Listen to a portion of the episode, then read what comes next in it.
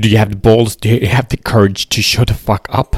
To true intimacy, to connect to your partner, to connect to the world in a way that you've never done before.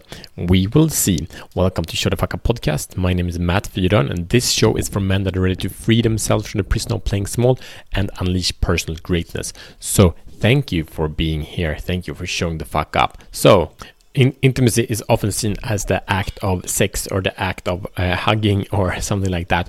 Uh, if, if you separate it, it's a beautiful uh, way of explaining intimacy is that it actually says in to me see.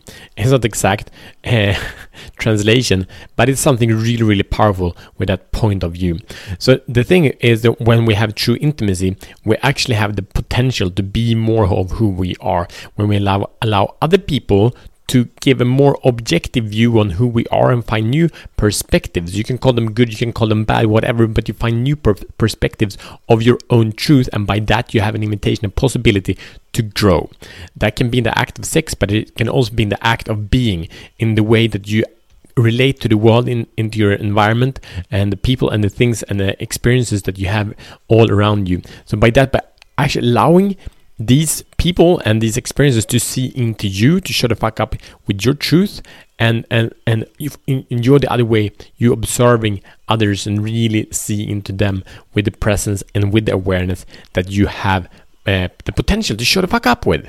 And it's only in the moment when we are actually connected, when we're actually open, when we're actually penetrating the to, for connection it takes openness and penetration. These are the opposites. So when you're actually in that connection you can grow exponentially.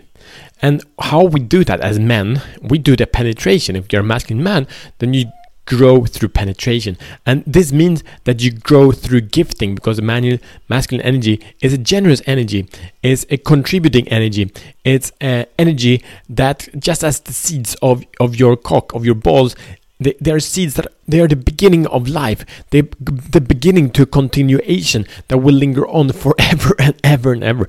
It's beautiful, isn't it? So it's really about gifting this opportunity, giving this life by your passion, by your dedication, by your focus, or whatever it is.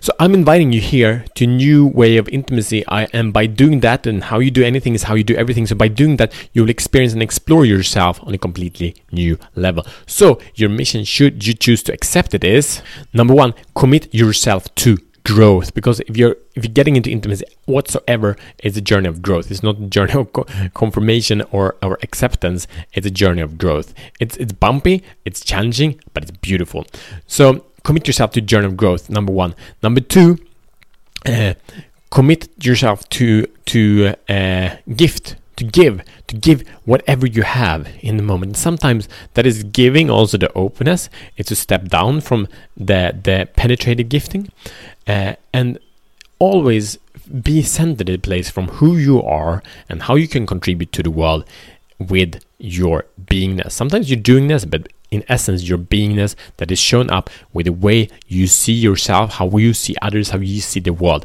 That is how you show up with the presence and the power that is in the moment of you. So, do that and share this episode with a man that is ready to free himself from the prison of playing small and we shut the fuck up and create a beautiful, epic world. Thank you, and I see you tomorrow as better men. Oh, yeah.